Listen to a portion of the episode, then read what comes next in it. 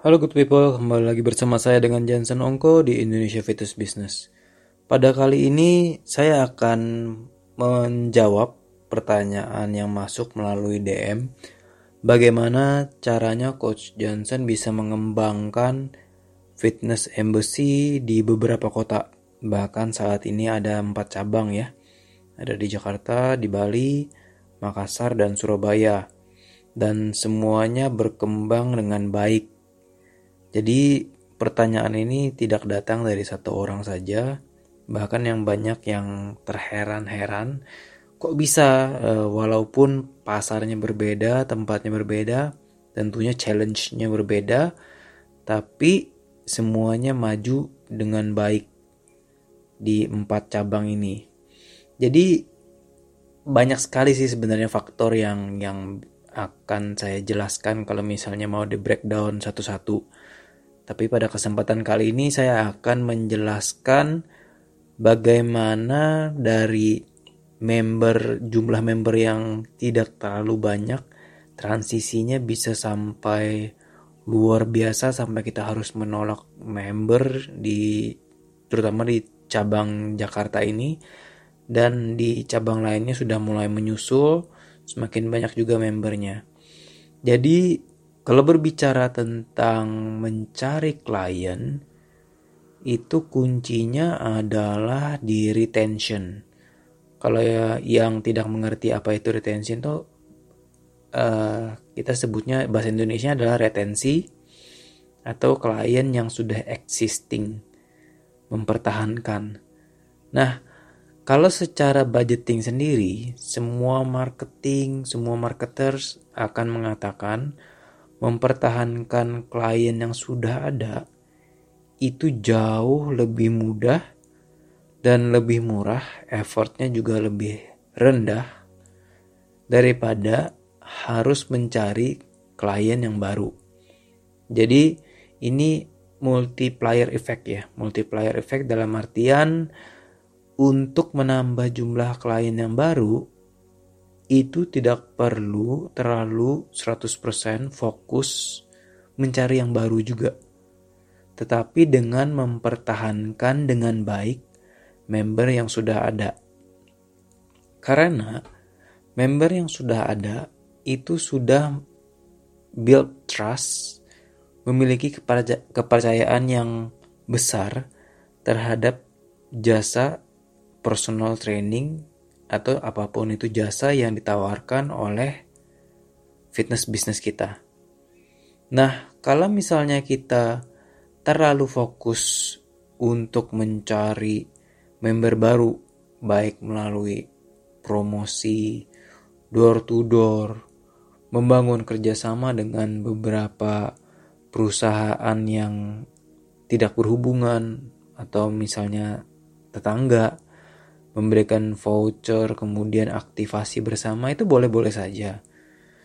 Tapi yang saya lakukan di Fitness Embassy, yang saya infokan, yang saya ajarkan kepada seluruh site leaders atau manajer operasionalnya adalah bagaimana bisa memberikan pelayanan yang tetap bagus, konsisten, dan kalau bisa dicoba untuk ditingkatkan fokusnya adalah meningkatkan kualitas baik layanan dan apa pun itu yang dapat membuat klien yang existing yang sudah ada semakin betah dan semakin merasa dihargai.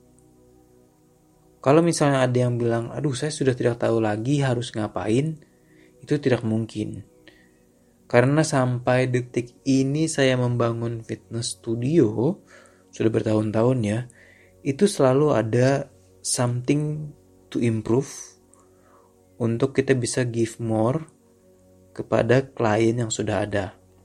Contohnya, seperti mengadakan event khusus member, kemudian gathering, kemudian challenge, banyak sekali hal yang bisa dilakukan, bahkan hal-hal yang terkesannya kecil, sederhana, eventnya cuman ya kalau bisa dibandingkan dengan event-event di luar, nggak ada apa-apanya, tapi kita tidak pernah tahu apa yang dirasakan oleh member kita.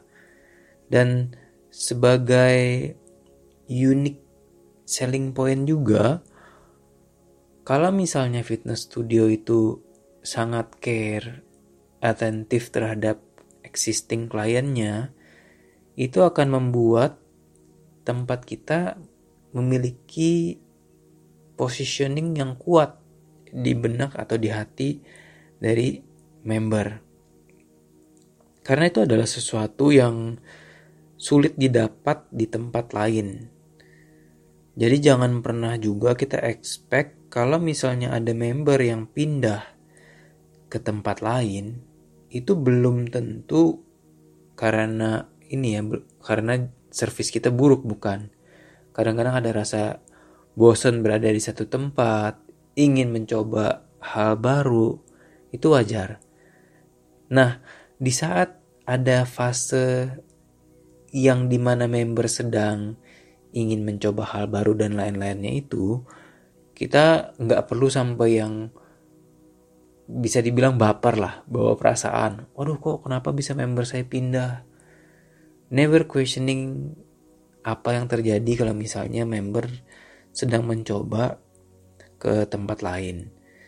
Karena selama itu bukan satu hal yang bisa kita kontrol itu karena haknya member juga dan dan satu hal yang bisa kita kontrol adalah apa yang kita lakukan untuk tempat kita sendiri. Nah, seperti yang saya bilang tadi ada ada tempat tersendiri di hati member. Jadi di saat dia mencoba tempat lain yang di mana tidak mendapatkan layanan yang sama itu pastinya ada yang ini ya member yang di mana membandingkan apa yang mereka dapatkan di sana dan di tempat kita. Nah, ini yang di mana aktivasi-aktivasi yang kita lakukan yang kecil-kecil itu akan terasa baru terasa dampaknya atau efeknya.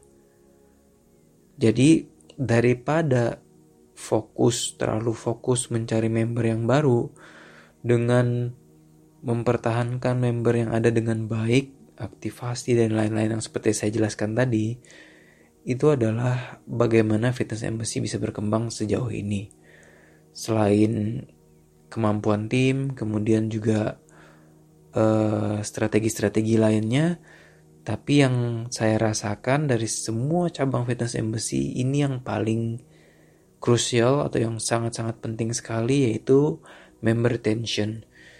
Jadi usahakan fitness bisnis kamu harus memiliki suatu aktivasi yang bertujuan untuk ini member retention itu tadi. Tanpa ada aktivasi yang berhubungan dengan member retention, saya yakin akan kesulitan untuk mempertahankan member yang ada. Kalau kita berbicara kualitas, semakin lama tempat lain juga memiliki kualitas coaching yang bisa dibilang sama baiknya lah. Tapi hal-hal kecil yang yang dianggap remeh, yang kadang kita anggap remeh atau orang lain anggap remeh itu yang bisa berkesan terhadap member kita. Jadi jangan lupa member retention sangat penting sekali. Nah kalau misalnya kamu bingung atau misalnya ingin berdiskusi atau ingin mengetahui kira-kira apa bentuk member retention yang dapat dilakukan bisa ditanyakan di DM atau ditulis di komen. Itu aja pembahasan pada sesi kali ini. Terima kasih dan sampai jumpa di episode berikutnya.